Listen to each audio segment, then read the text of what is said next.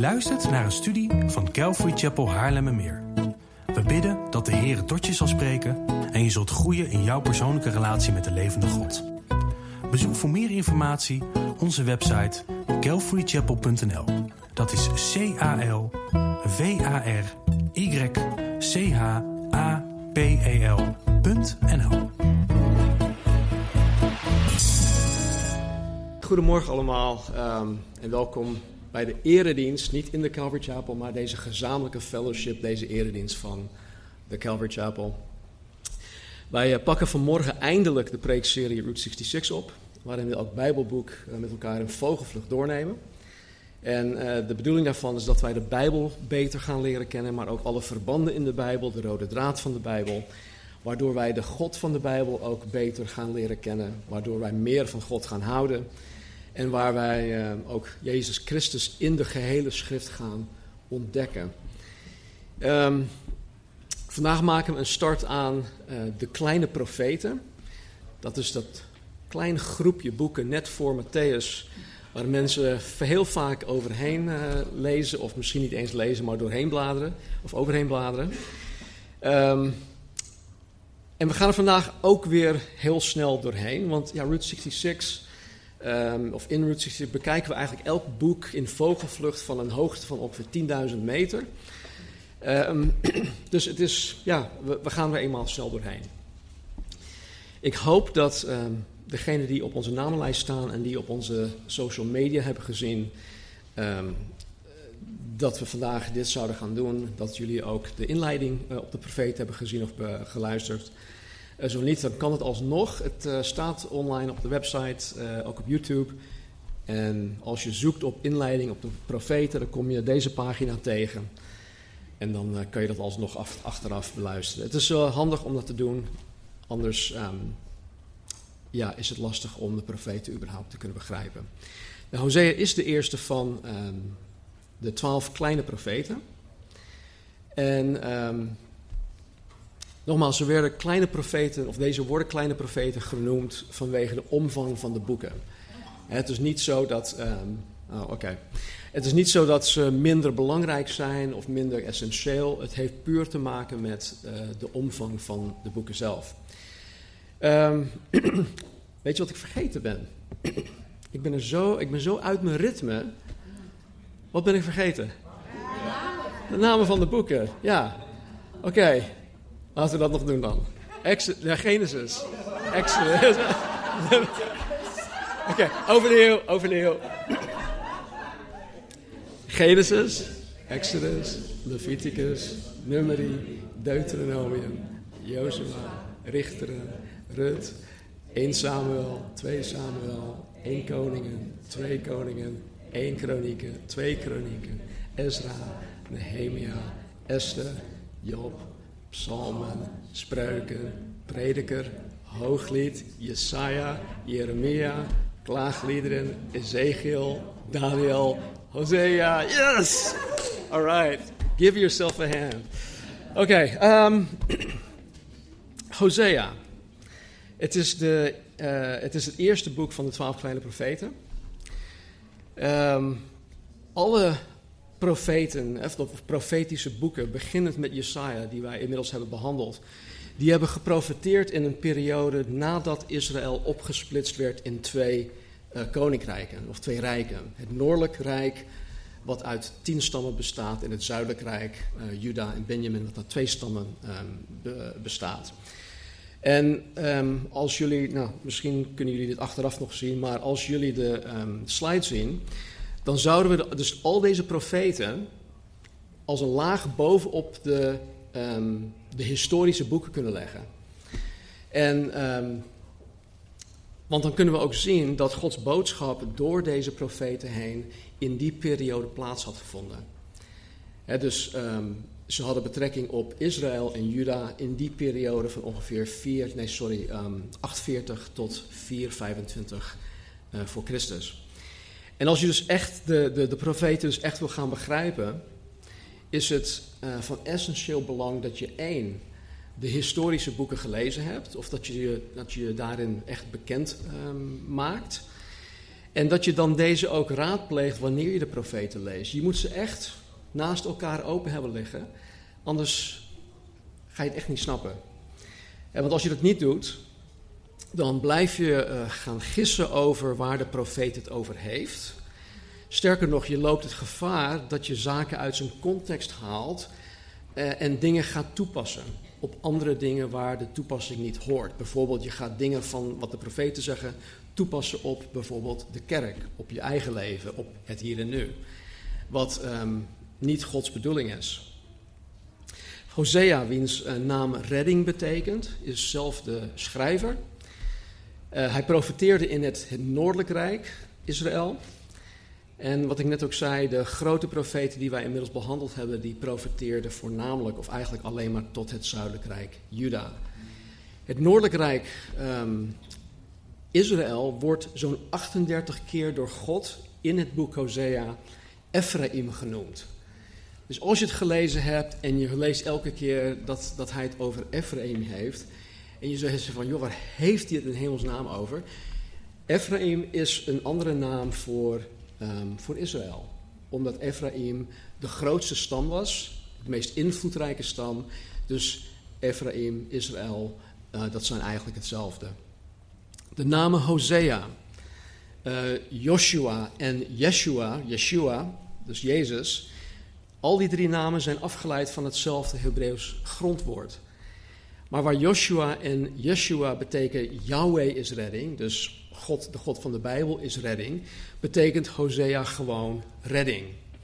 Eh, gewoon redding. Maar hoe dan ook, het is, een, het is een mooie naam. En het is ook echt toepasselijk op uh, wie hij is als persoon en ook tegelijkertijd uh, toepasselijk op zijn bediening. Nou, alle drie grote profeten hebben, hun, uh, hebben in hun profetieën Gods relatie onder andere afgebeeld um, als een huwelijk of als een verloving, uh, waarin Israël de ontrouwe vrouw van God is.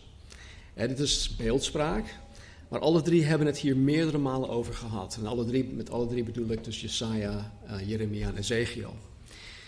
En hoe moeilijk de bediening van Jesaja, Jeremia en Ezekiel ook was, persoonlijk zou ik eerder in hun schoenen gestaan hebben dan in die van uh, Hosea.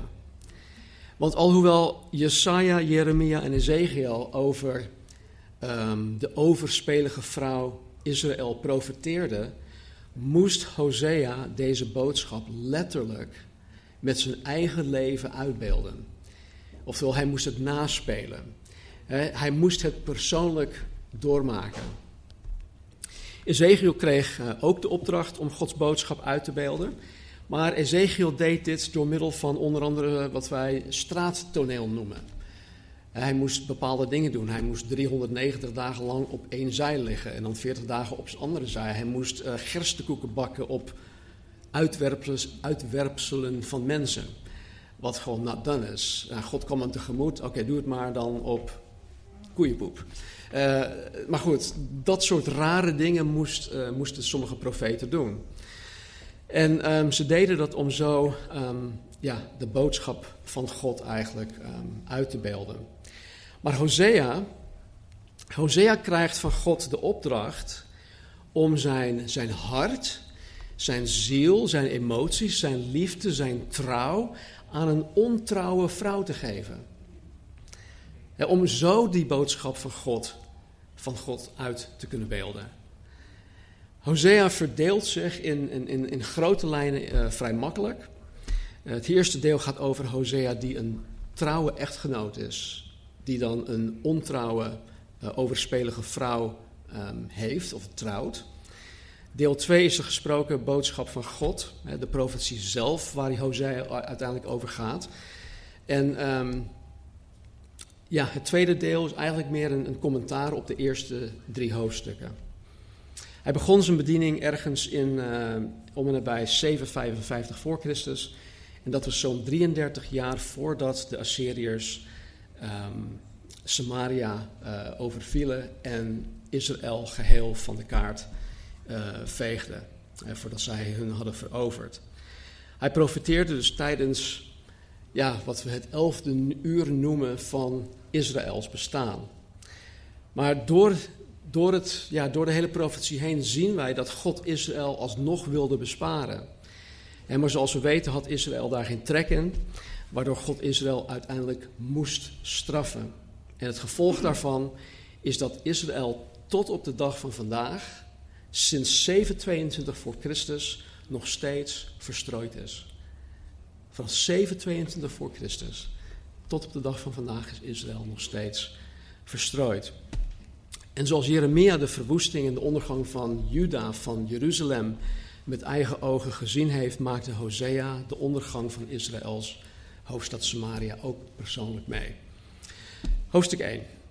Ehm, ja, als jullie Bijbels open eh, of hebben, of jullie Bijbel dragend device.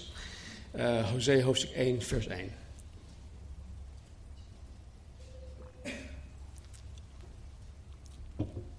Er staat: Het woord van de Heere dat gekomen is tot Hosea, de zoon van Beeri, in de dagen van Uzia, Jotam, Agas, Hiskia, de koningen van Juda, en in de dagen van Jerobeam, de zoon van Joas, de koning van Israël.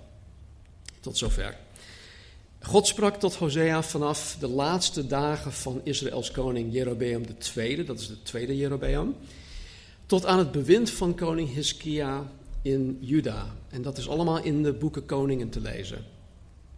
En hierdan kunnen we afleiden dat Hosea nog voor Juda's ballingschap en ook nog voor Israëls ondergang profeteerde. Dit is zo'n, um, wat is superscript? Een, um, ja, ja, een inleiding of een bovenschrift, waarin, dus kan, waarin staat dat uh, dit tijdens die periode gebeurde. Niet alle kleine profeten hebben dat, Hosea heeft dat wel, dus we kunnen echt weten wanneer hij dat geschreven heeft. En hij waarschuwde Israël en ze hadden op dat moment nog, ja, nog altijd de gelegenheid uh, om, uh, om zich te bekeren. En ook kunnen we onder andere hierdoor bepalen wie Hosea's tijdgenoten waren. En de tijdgenoten, zijn collega-profeten, waren Jesaja, Amos en Micha. We kunnen ook uh, af, weet, te weten komen wie aan de wereldmacht was, wie de superpower van die tijd was. En dat was Assyrië. En wat in dit eerste vers al opvallend is, is dat Hosea vier Judese koningen noemt en dan alleen Jerobeam van Israël. Want hij profeteerde eigenlijk alleen in het Noordelijk, Koninkrijk, in het Noordelijk Rijk, Israël. En deze Jerobeam regeerde hooguit nog zo'n twee jaar nadat um, Hosea zijn bediening begonnen was.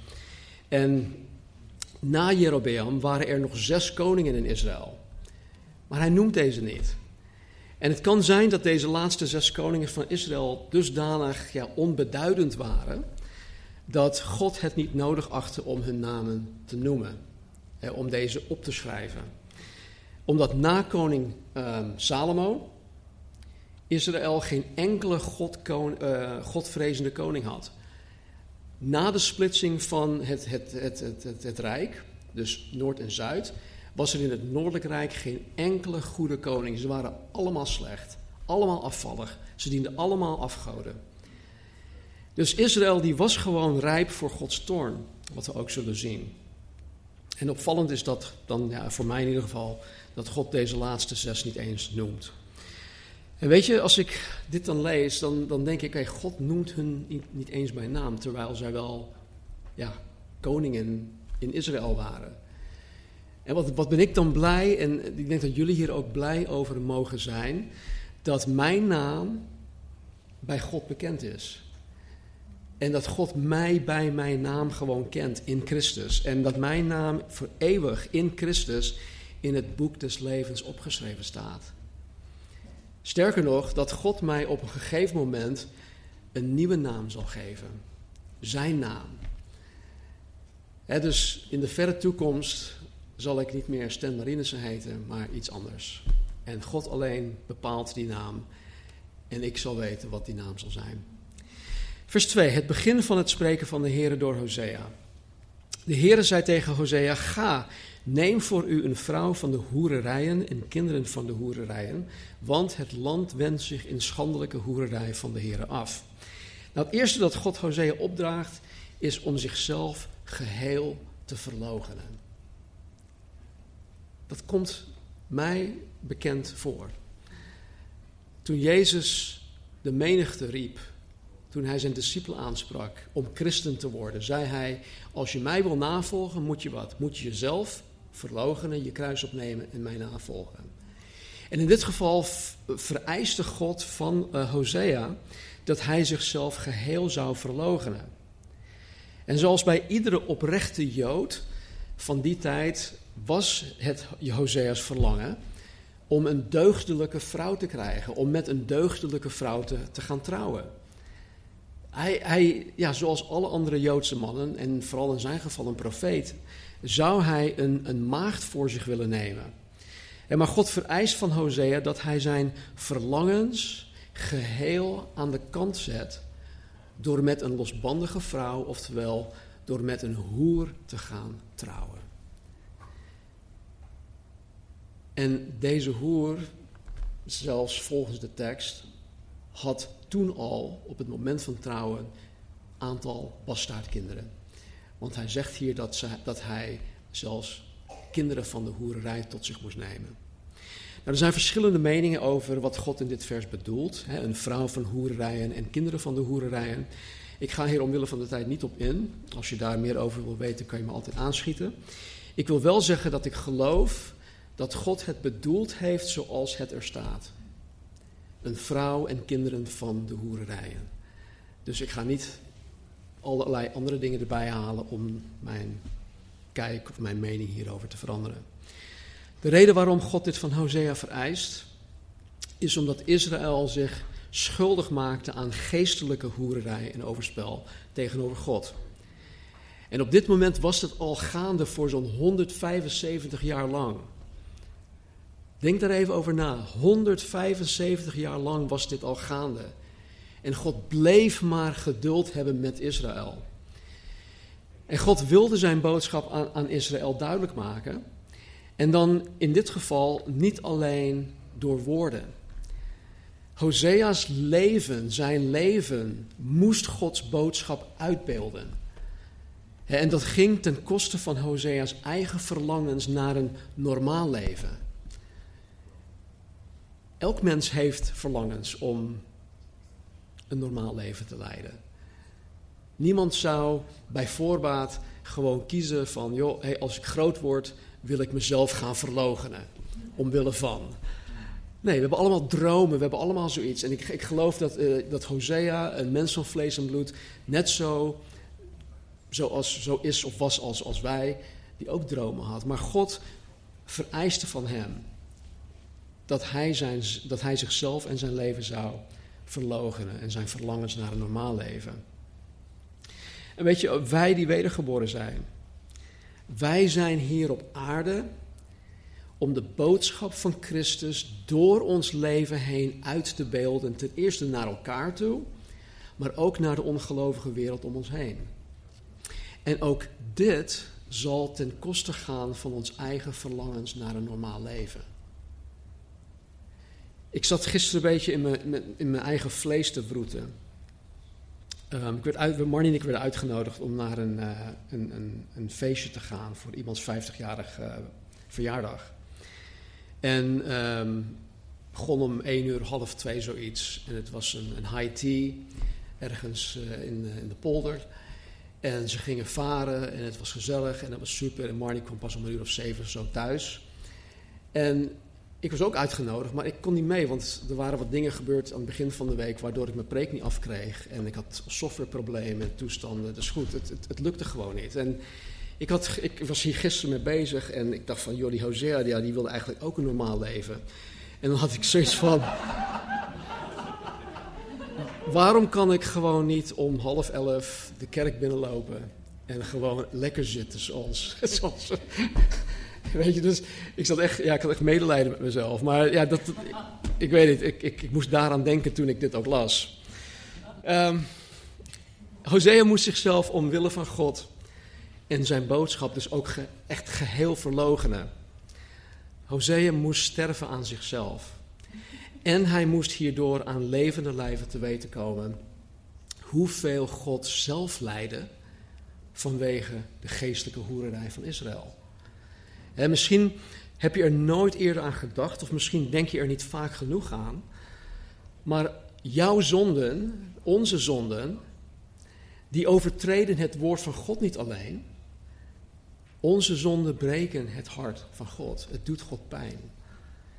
Onze zonden die, die, die doen iets met God. Sterker nog, verloren zielen, mensen die om welke reden dan ook Jezus Christus niet willen navolgen, die Hem niet willen dienen, die Hem niet willen gehoorzamen, die mensen breken het hart van God.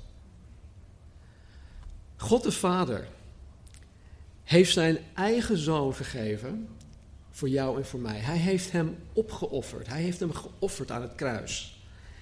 En, en dat alleen al brak zijn vaderhart.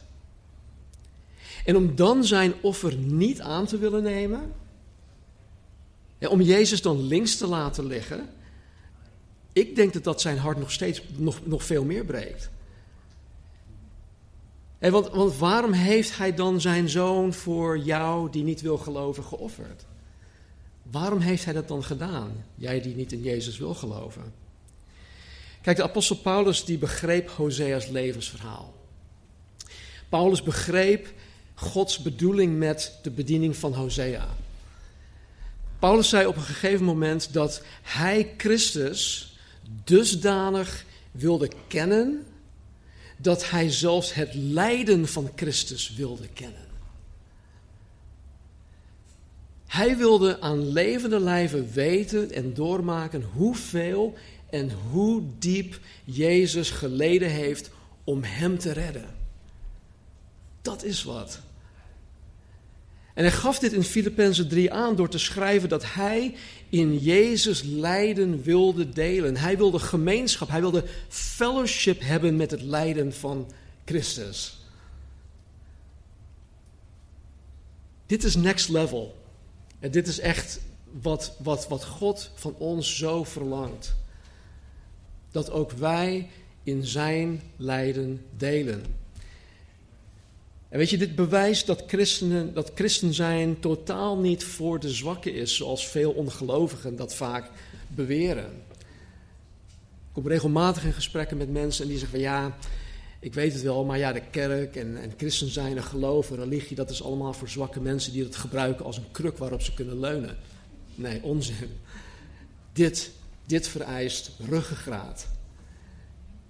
In het Spaans zeggen ze cojones dat is,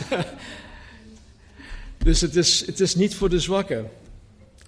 Dus om God en zijn boodschap echt goed te kunnen begrijpen, om het echt eigen te kunnen maken, om het met passie en overtuiging aan Israël over te kunnen brengen, moest Hosea de pijn, hartzeer en verdriet die God over Israël heeft, zelf ook doormaken. Vers 3 tot en met 5. Hij ging, dus Hosea ging en nam Gomer, een dochter van Diblaim. Ze werd zwanger en baarde hem een zoon. Toen zei de Heer tegen hem: Geef hem de naam Jezreel. Want nog even en ik zal de bloedschulden van Jezreel vergelden aan het huis van Jehu. En ik zal het koningschap van het huis van Israël wegdoen. Op die dag zal het gebeuren dat ik de boog van Israël zal breken in het dal van Jezreel. Dus Hosea trouwde met deze Gomer. Ze kregen samen een zoontje. Die zij van God Jezreel moesten noemen. En de naam Jezreel betekent onder andere God zaait of God verstrooit. Dat kan ook. Door deze zoon Jezreel te noemen, geeft God aan dat hij het koningschap van Israël zal afnemen. de, de, de, de boog spreekt over de militaire macht, dat hij dat weg zal nemen, dat hij dat zal afbreken. En dat hij Israël als het ware zal Jezreëlen. oftewel, hij gaat Israël verstrooien. En dit gebeurde ook letterlijk toen een zekere Salmaneser, de koning van Assyria, Samaria, de hoofdstad van Israël, in 722 voor Christus veroverde. En het volk Israël vervolgens verstrooide over het hele gebied van de Assyriërs. En tot op de dag van vandaag zijn zij op basis van de Bijbelse definitie nog steeds verstrooid. Vers 6. En ze werden opnieuw, of zij werd, sorry, opnieuw zwanger, Gomer. En zij baarde een dochter. Daarop zei God tegen hem: Geef haar de naam Lo Rugama. Rugama. Want ik zal mij voortaan niet meer ontfermen over het huis van Israël, want ik zal hen zeker wegvoeren. Gomer kreeg deze keer een dochter. Maar er staat niet in de schrift dat het kindje van Hosea was. En veel Bijbelgeleerden zijn het erover eens dat Gomer vreemd ging en dat dat kind dus van een andere man is. Dus ze is weer overspel aan het plegen. Hoe dan ook, Hosea moest haar de naam Lo Rugama geven, wat betekent geen barmhartigheid. In het Engels wordt dat vertaald als no mercy. En want God zal zich op een gegeven moment niet meer over Israël ontfermen. Met andere woorden, er zal een punt komen waarin Israël zal krijgen wat hij verdient. En dat is Gods toorn en Gods straf. Wat ik net al zei, God is honderden jaren lang geduldig geweest met deze overspelige vrouw. De Bijbel gebruikt een heel mooi woord, dat is niet meer een, een, ja, een modern woord, maar langmoedig. God is langmoedig geweest, honderden jaren lang. maar nu is de maat vol. Israël zal zich niet bekeren en daarvoor zullen zij moeten boeten. Toen apostel Paulus op zijn uh, tweede zendingsreis was, sprak hij op een gegeven moment toen hij in Griekenland was, in Athene, sprak hij daar een, een, een, eh, een denktank, laten we het even zo noemen, uh, tegen. En, en hij, hij uh, sorry, er staat er in Handelingen 17, 30 en 31 dit. Hij was er in gesprek met die, hij was het evangelie aan het prediken en deze Areopagus, deze denktank, die was daar en hij sprak met hun. En dan zegt hij op een gegeven moment dit: God heeft de domheid van de mensen een hele tijd geduldig verdragen, maar roept hen nu allemaal op tot bekering. Want God heeft een dag vastgesteld waarop hij rechtvaardig over de mensheid zal oordelen. Door een man met hoofdletter M, die hij daartoe heeft aangewezen. Om iedereen te garanderen dat hij zijn woord zal houden, heeft hij God, die man met een hoofdletter M, uit de dood laten terugkomen. En hier zien we dus precies hetzelfde dat we in Hosea zien. God heeft alle jaren van jouw onwetendheid door de vingers gezien. Maar er zal een moment komen. Er zal een moment komen. Waarin Jezus Christus als de rechtvaardige rechter jou zal oordelen. Ook mij. En dan komt het op één ding neer. Heb jij je bekeerd en ben jij een wedergeboren discipel van Jezus Christus? Zo ja, dan heeft Jezus jouw oordeel reeds op zich genomen en genageld aan het kruis. Zo niet, dan moet je voor je eigen zonde gaan boeten. En dat betekent dat je voor eeuwig verloren gaat. We hebben geen benul van wat eeuwigheid is, maar het is onophoudend. Het gaat door en door en door. Er, is geen, er komt geen einde aan. En wat je dan in die eeuwigheid zal, zal meemaken, is dat je voor eeuwig spijt zal hebben. Je zal voor eeuwig spijt hebben dat je niet naar die gebaarde man hebt geluisterd. Of naar wie dan ook die het evangelie aan jou heeft gebracht.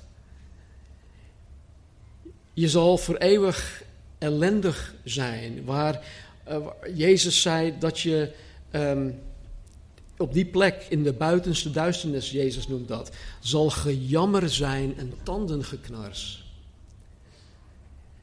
He, dat je gewoon zo aan het tandenknarsen bent van, vanwege de ellende. En God wil dit niet voor jou. God wil dit echt niet voor jou. En daarom roept Hij jou nu op. Nu om te bekeren, om in Jezus te gaan geloven en Hem koste wat kost na te volgen. Niemand weet of je morgen nog hebt. Niemand. Doodgaan komt altijd ongelegen. voor de nabestaanden, maar ook voor jezelf. En je weet het niet. Dus denk niet van ja, ik, nou, ik, ik wacht nog op en dan vul het maar in. Nee, God roept jou nu op om te bekeren. Ik zag van, uh, van de week een, een meme voorbij komen. Volgens mij was het van. Uh, mm, hoe heet die man ook alweer? Anyway, maakt niet uit. In het Engels. No sin is ever merely passed over. No sin is ever merely passed over. None. It will be paid for in hell or it will be paid for on the cross.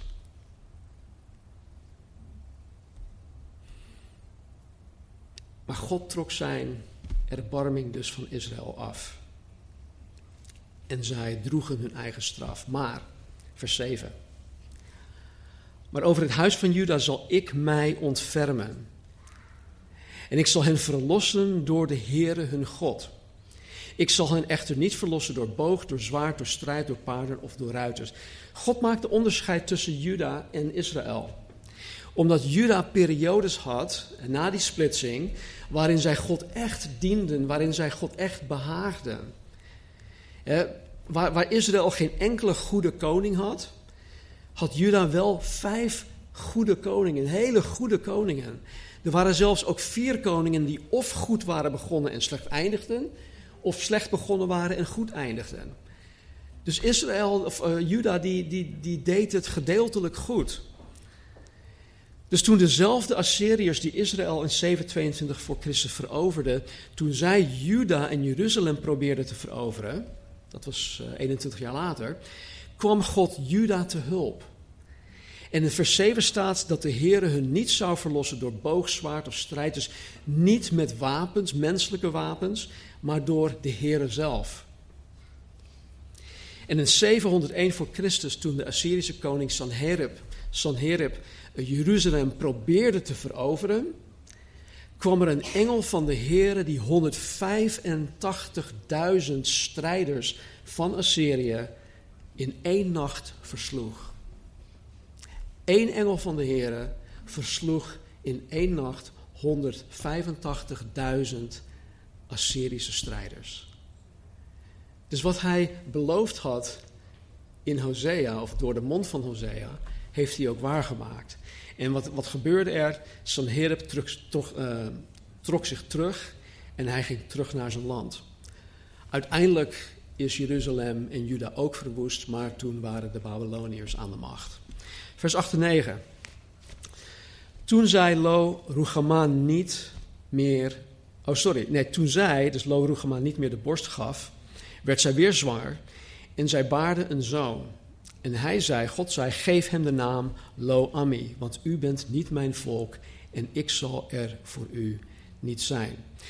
Ook dit kind was niet van Hosea. Zijn naam Lo Ami zegt het al, het betekent niet mijn kind of niet mijn volk. Gomer is dus weer vreemd gegaan. En omdat Israël niet langer Gods volk zal zijn, zal God er ook niet langer voor hen zijn. God is er nu gewoon klaar mee. En wat God hier verklaart is, is echt diepzinnig en het is ook verregaand. want toen God het um, verbond met Mozes sloot, beloofde God Mozes en Israël drie dingen. Hij beloofde één, ik zal uw God zijn. Hij beloofde ook twee, u zal mijn volk zijn. En drie, ik zal te midden van u wonen. Dat was Gods aandeel van dat verbond. Maar het was geen onvoorwaardelijk verbond, het was voorwaardelijk. Israël moest ook voldoen aan hun kant van het verbond. Maar Israël, die heeft dit verbond met God verbroken.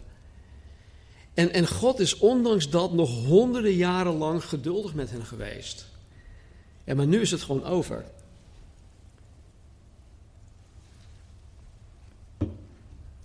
En dan komt het slotstuk van hoofdstuk 1. Toch zal het aantal Israëlieten zijn als het zand van de zee, dat niet gemeten en niet geteld kan worden. En het zal gebeuren dat in de plaats waar tegen hen gezegd is: U bent niet mijn volk, tegen hen gezegd zal worden: Kinderen van de levende God. Dan zullen de Judeërs bijeengebracht worden samen met de Israëlieten. Ze zullen voor zich één, ze zullen voor zich één hoofd aanstellen en uit het land oprukken. want groot zal de dag van Jezreel zijn. Zeg tegen uw broeders Ami, betekent mijn volk, en zeg tegen uw zusters Rugama, barmhartigheid. Dus ondanks dat God zijn, zijn toorn zal uitoefenen en zijn straf zal uitmeten, blijft God van Israël houden. Zo is God nou eenmaal. We kunnen daar niets aan veranderen. We willen daar ook niets aan veranderen. God is nou eenmaal zo. En wat God aan Abraham dan in Genesis 12 beloofde, middels zijn onvoorwaardelijk verbond, zal God uiteindelijk tot vol, vol um, uh, hij, zal uiteindelijk volbrengen. Het, het, verbond van Abraham, tussen God en Abraham, was een eenzijdig verbond. God beloofde het. Het was alleen hij zal het doen. Hij vroeg verder niets van Abraham. En als je wil weten wat, wat dat is, lees Genesis 12 en Genesis 15. Dat is, dat, is, dat is trouwens, het Abrahamisch verbond is trouwens heel belangrijk om te weten, om weer de gehele Bijbel uh, te kunnen snappen. Er zal dus een periode aanbreken dat Israël zich zal bekeren en tot geloof zal komen in Jezus Christus. En Jezus zal als koning der koningen over Israël en over alle naties regeren vanuit Jeruzalem. En dit alles zal geschieden vanwege de reddende liefde van God. Omdat Hij liefde is. En hierin zien wij dus ook hoe ver Gods reddende liefde gaat. Hoofdstuk 2. We gaan er echt doorheen komen hoor, uh, echt, echt waar. Ja. Hoofdstuk 2 is geschreven in de vorm van uh, poëtische reflectie. Uh, Hosea die denkt nu gewoon na over zijn eigen huwelijkssituatie. Hij gebruikt beeldspraak om zijn situatie te vergelijken met de situatie tussen God en Israël. En dus alhoewel het in, de, in, in onder andere herziene verstatenvertaling geschreven staat alsof uh, het God is die hier over Israël spreekt, want er worden hoofdletters en zo gebruikt, is het eigenlijk Hosea die, hier, of die het hier over zijn eigen ellendig huwelijk heeft. Uh, tegelijkertijd moeten wij voor ogen houden dat Hosea's situatie met Gomer een uitbeelding is van Gods situatie met Israël. Dus die twee die zijn gewoon verweven. Het geldt voor allebei. Um, ik zou dat eigenlijk voor gaan lezen, maar dat zijn 22 versen. En ik loop nu al een beetje achter.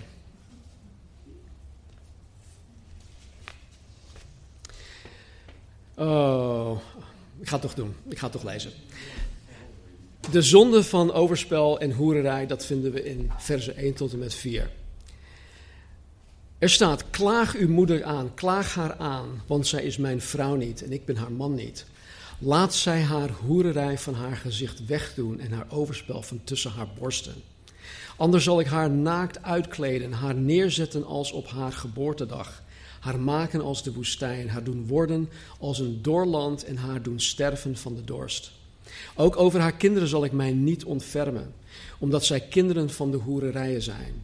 Want hun moeder heeft hoererij bedreven. Zij die van hen zwanger is geweest, heeft zich schandelijk gedragen.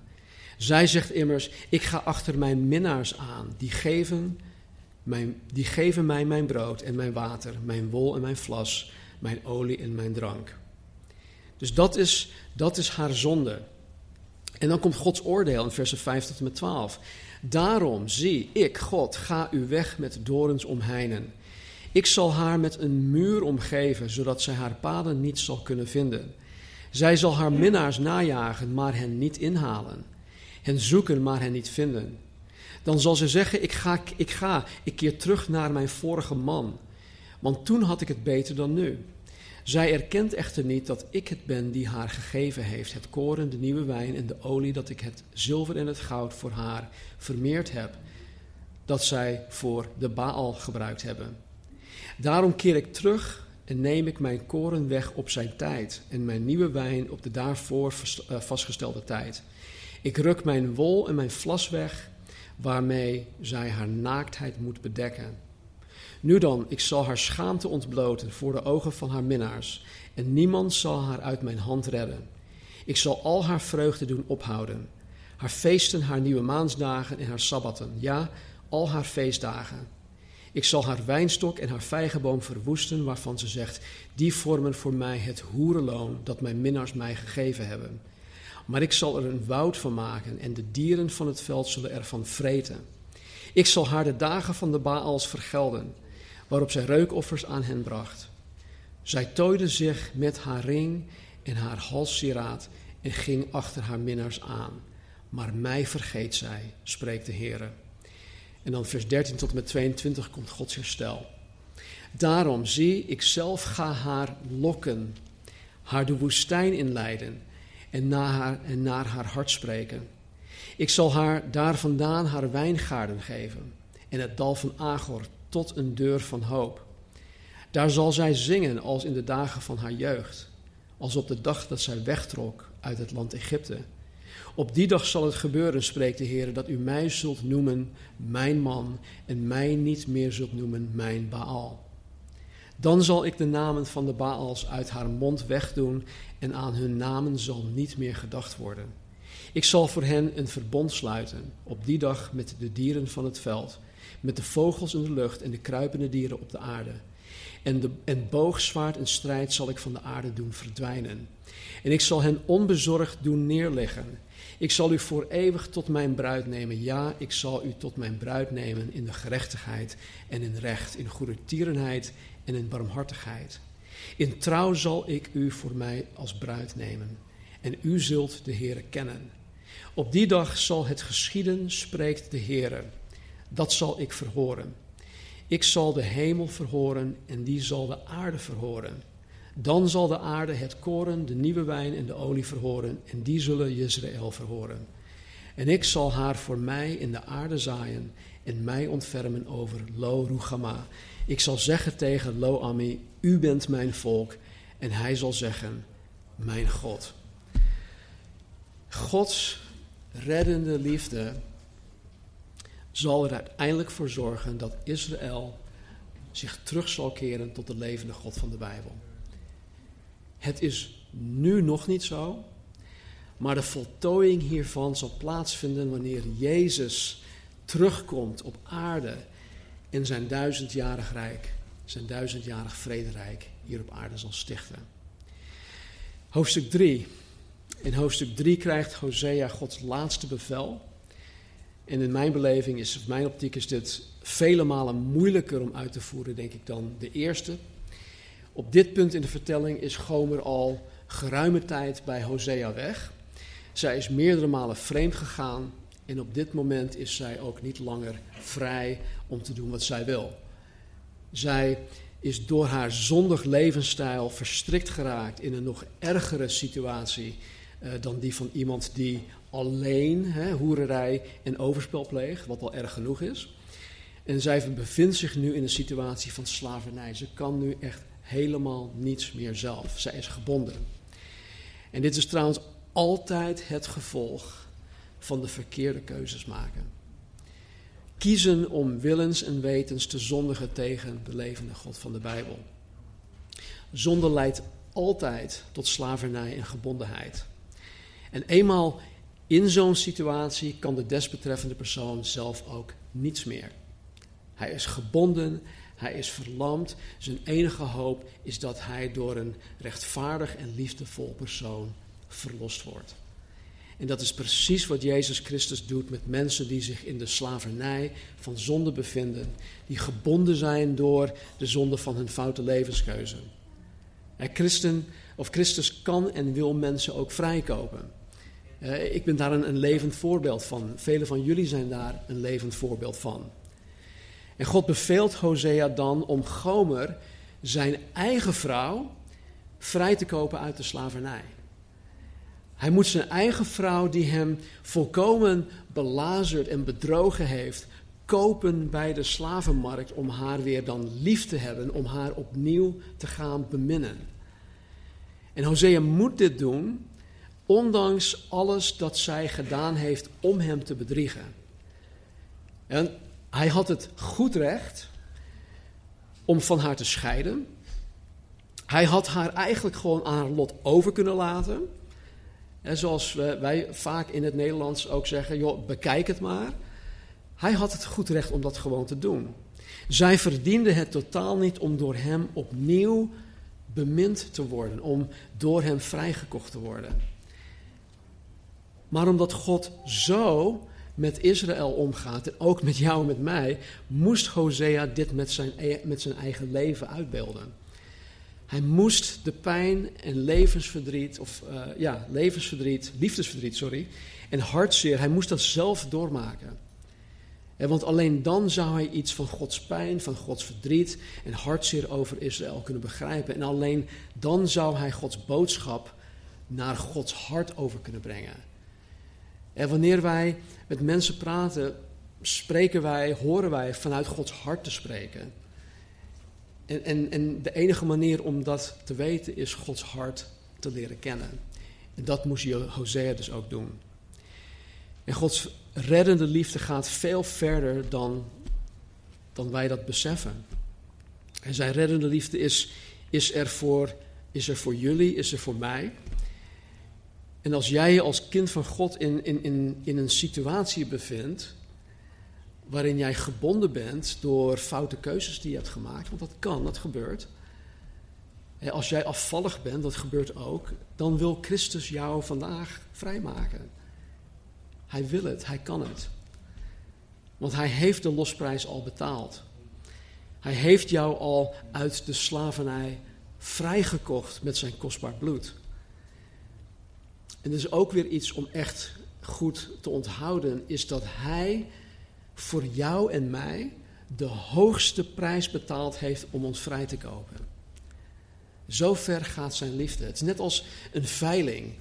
er is iets heel, iets, iets heel waardevols en het wordt gegeven of verkocht aan de hoogste bieder. Nou, Jezus die zegt, nou, ik bied het allerhoogste voor iedereen. Jij bent heel duur gekocht. En er is ook niets, maar dan ook niets dat jij hebt gedaan of ooit zou kunnen doen, waardoor Hij ophoudt jou lief te hebben. Niets, maar dan ook niets. Hij beantwoordt zijn liefde dan door jezelf geheel aan Hem over te geven. Want die reddende liefde, die moet beantwoord worden, anders blijft het eenzijdig. En dit geldt ook voor jou, jij die nog niet in Jezus Christus gelooft, zoals de Bijbel dat voorschrijft. En ik heb wat vragen voor jou. In, in welke vorm van slavernij zit jij? In welke vorm van slavernij zit jij? Wat houdt jou gebonden? Ben je gebonden door trots of arrogantie? En denk je misschien, ja, ik, ik heb God niet nodig. Ik red het zelf wel. Ik ben nu al x aantal jaar op deze aardbodem en ik red me prima. Ik heb God gewoon niet nodig. Misschien ben je gebonden door ongeloof. Hè? Misschien geloof je wel in de historische Jezus, maar ja, de, de, de Jezus die voor de mensheid is gekruisigd, die dan begraven is, die dan weer uit de dood is opgestaan. En dat hij de kerk op een gegeven moment zal opnemen, dat hij ook terug zal komen om zijn duizendjarig vrederijk te stichten. Nou, dat gaat er bij jou misschien niet in, omdat je dat gewoon niet wil geloven. Dat kan. Maar je bent wel gebonden door ongeloof. En misschien ben je gebonden door liefde voor je eigen zondig leven. Je wil je zonde niet opgeven. Dat kan. Gebeurt vaak genoeg. Gebeurt elke dag. Elke dag. Je wil je niet bekeren. Je wil gewoon lekker doorgaan met wat jou behaagt en wat jou bevredigt. En je wil niet, absoluut niet, dat iemand met een hoofdletter I jou aanspreekt op jouw zonde. Dat hij de touwtjes van jouw leven in handen krijgt. Je wil gewoon je eigen ding blijven doen. Dus in, in welk opzicht je ook gebonden bent, Jezus is bij machten en hij is wel willend om jou daaruit te bevrijden. Jezus zelf zei: Als de zoon, dus Jezus, u vrijgemaakt heeft, zult u werkelijk vrij zijn. En ik weet dat sommigen van jullie dit weten. Hoe het voelt om vrij te zijn. Het is, het is echt van. Het is alsof je, ik weet niet, Marnie stuurde mij wat, wat foto's van een jacuzzi waar ze, waar ze op het feestje was. Dus niet zelf, maar een foto van. En misschien is dat het wel. En Mark noemt het vaak een warm bad. Maar er is niets beters dan te weten dat je vrij bent, vrijgemaakt bent. Van welke gebondenheid dan ook. Nou, hoofdstukken 4 tot met 14, daar gaan we niet doorheen. Maar het begrijpen van de eerste drie hoofdstukken is onmisbaar om de rest van Hosea te kunnen begrijpen. Uh, hoofdstukken 4 tot en met 14 herhalen in groter detail de thema's van de eerste drie hoofdstukken. Voor degenen die notities maken, hoofdstukken 4 tot en met 7, uh, dat is een illustratie van Gomers overspel. Uh, het neerwaarts spiraal van Gomer, um, dat, ja, dat wordt dan in, in, in, in hoofdstuk 8, 8 tot en met 10 weergegeven. Althans, Gods oordeel daarover. Hosea's verlossing van Gomer laat ons Gods uiteindelijk verlossing zien. En dat zien we dan in de laatste hoofdstukken. En ik weet dat we heel veel hebben overgeslagen. Uh, dat hoort bij dit soort overzichten. Maar ik hoop, ik hoop echt jullie hiermee een, een, een raamwerk te geven. Zodat je wanneer je Hosea zelf gaat lezen, zelf gaat bestuderen. Uh, je wat handvatten hebt om het te kunnen begrijpen. Want het is lastig. Ik denk dat het ook goed is dat je het in een meer moderne vertaling leest of meerdere uh, vertalingen leest. Ik uh, gebruik vaak zes verschillende Nederlandse vertalingen en ook wat Engelse erbij, om het een beetje te kunnen snappen in de vertaalde teksten. Um, ik heb de beelden en de verwijzingen naar Jezus Christus deze keer niet genoemd, uh, omdat ik hoop dat jullie zelf aan het leren zijn om deze ook echt zelf te gaan herkennen. En um, ik hoop echt dat jullie dat gaan herkennen. Laten we bidden. Hemelse Vader, dank u wel voor wie u bent. Dank u wel voor uw trouw. Dank u wel voor uw reddende liefde. Heren, dat uw liefde zo ver gaat, dat uw geduld zo ver gaat, ook met ons, anno 2022. En heren, dank u wel dat u iedereen oproept om zich nu deze dag te bekeren. Om zich te schikken aan de heerschappij van Jezus Christus. Om te geloven dat Jezus de Zoon van God is, de enige echte God van de Bijbel. Dat Jezus Christus voor de zonden aan het kruis gestorven is. Te geloven dat jij een zondaar bent, die hopeloos verloren is zonder Jezus Christus. Dus God roept jou op om je te bekeren. Bekeer je dan ook vandaag. Today is the day of salvation. Dank u wel, Heer, dat wij uw woord hebben weet dat we er heel snel doorheen zijn gegaan. En uh, vergeef mij, Heer, voor mijn warrigheid hierin. Maar laat uw Heilige Geest alstublieft uw woord laten landen in de harten en in de hoofden van uw mensen, uw volk, uw kerk. Tot eer en glorie van uw naam. In Jezus' naam. Amen. Laten we samen gaan staan. We sluiten met Titus 2, vers 11 tot en met 14. De zaligmakende genade van God is verschenen aan alle mensen. De zaligmakende genade van God is verschenen aan alle mensen en leert ons de goddeloosheid en de wereldse begeerten te verloochenen en in deze tegenwoordige wereld bezonnen, rechtvaardig en godvruchtig te leven, terwijl, terwijl wij verwachten de zalige hoop en verschijning van de heerlijkheid van de grote God en onze zaligmaker Jezus Christus.